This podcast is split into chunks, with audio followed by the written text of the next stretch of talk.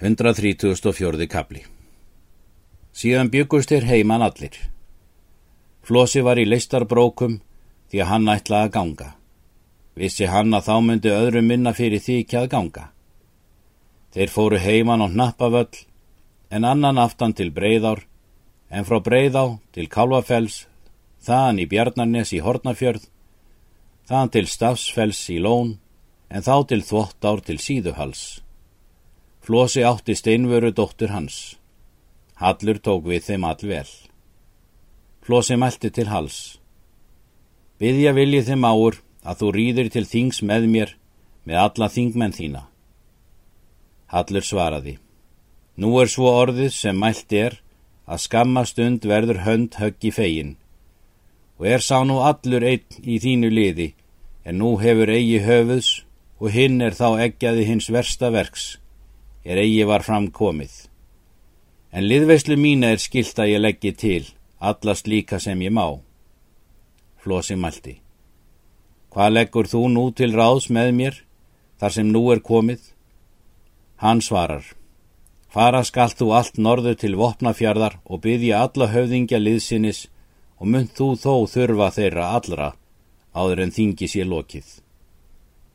Flósi dvaldist þar þrjár nætur og kvildi sig og fór þaðan austur til Geitahellna og svo til Berufjörðar. Þar voru þeir um nótt. Þaðan fóru þeir austur til Breiðdals í Heidali. Þar bjó Hallbjörn hinn sterkki. Hann átti oddnýju sýstur Sörla Brott Helgasonar og hafði Flósi þar góðar viðtökur. Hallbjörn spurði Mars úr brennunni en Flósi sagði honum frá öllu gjörla. Hallbjörn spurði hversu langt flosi ætlaði norður í fjörðuna. Hann hvaðst fara ætta til vopnafjörðar. Flosi tók þá fjesjóð að belti sér og hvaðst vildi gefa Hallbjörni. Hann tók við fjenu en hvaðst þó ekki gjafar eigað flosa. En þó vil ég vita hverju þú vilt að ég launi þér.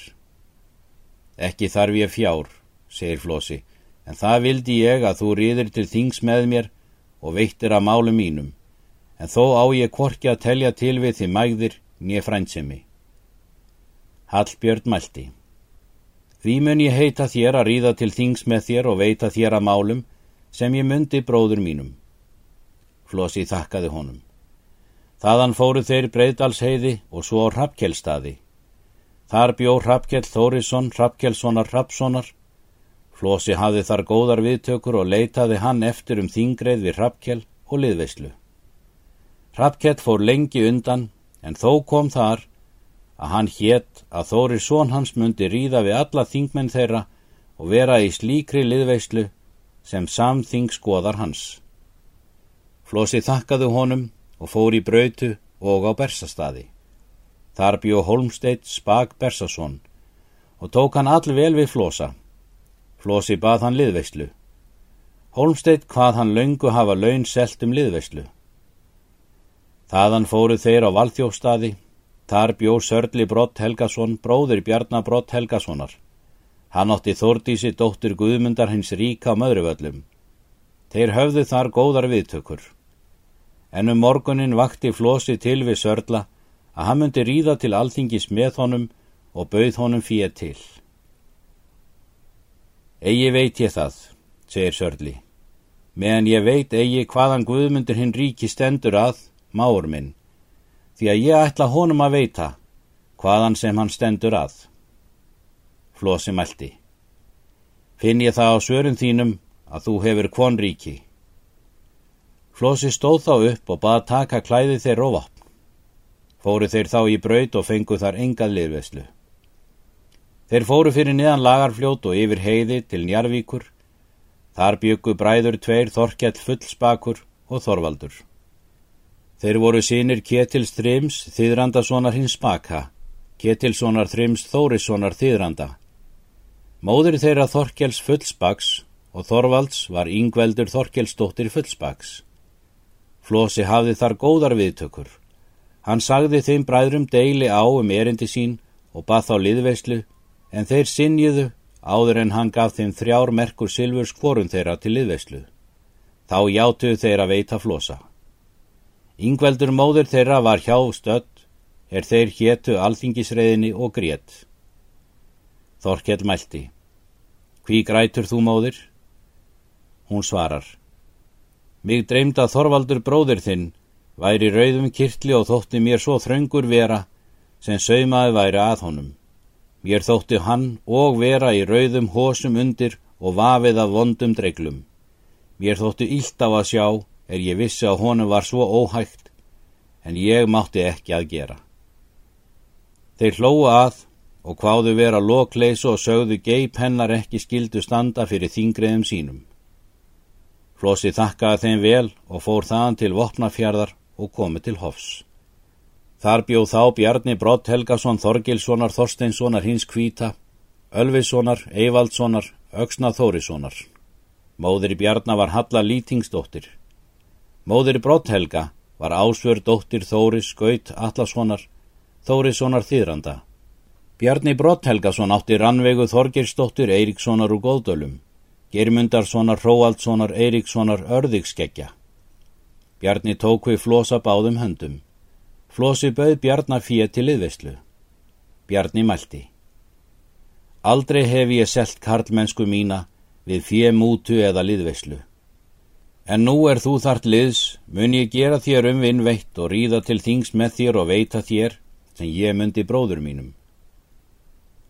Þá snýrðu öllum vand á hendur mér, segir Flosi en þó var mér slíks að þér von. Þann fóru þeir flosi til Krossavíkur. Þar bjóð Þorkell Geitisson. Þorkell var vinur flosa mikill áður. Flosi sagði honum erindi sitt. Þorkell hvað það skildu vera að hann veitti honum slíkt, er hann væri til fær og skiljast eigi við hans mál. Þorkell gaf flosa góðar gjafara skilnaði.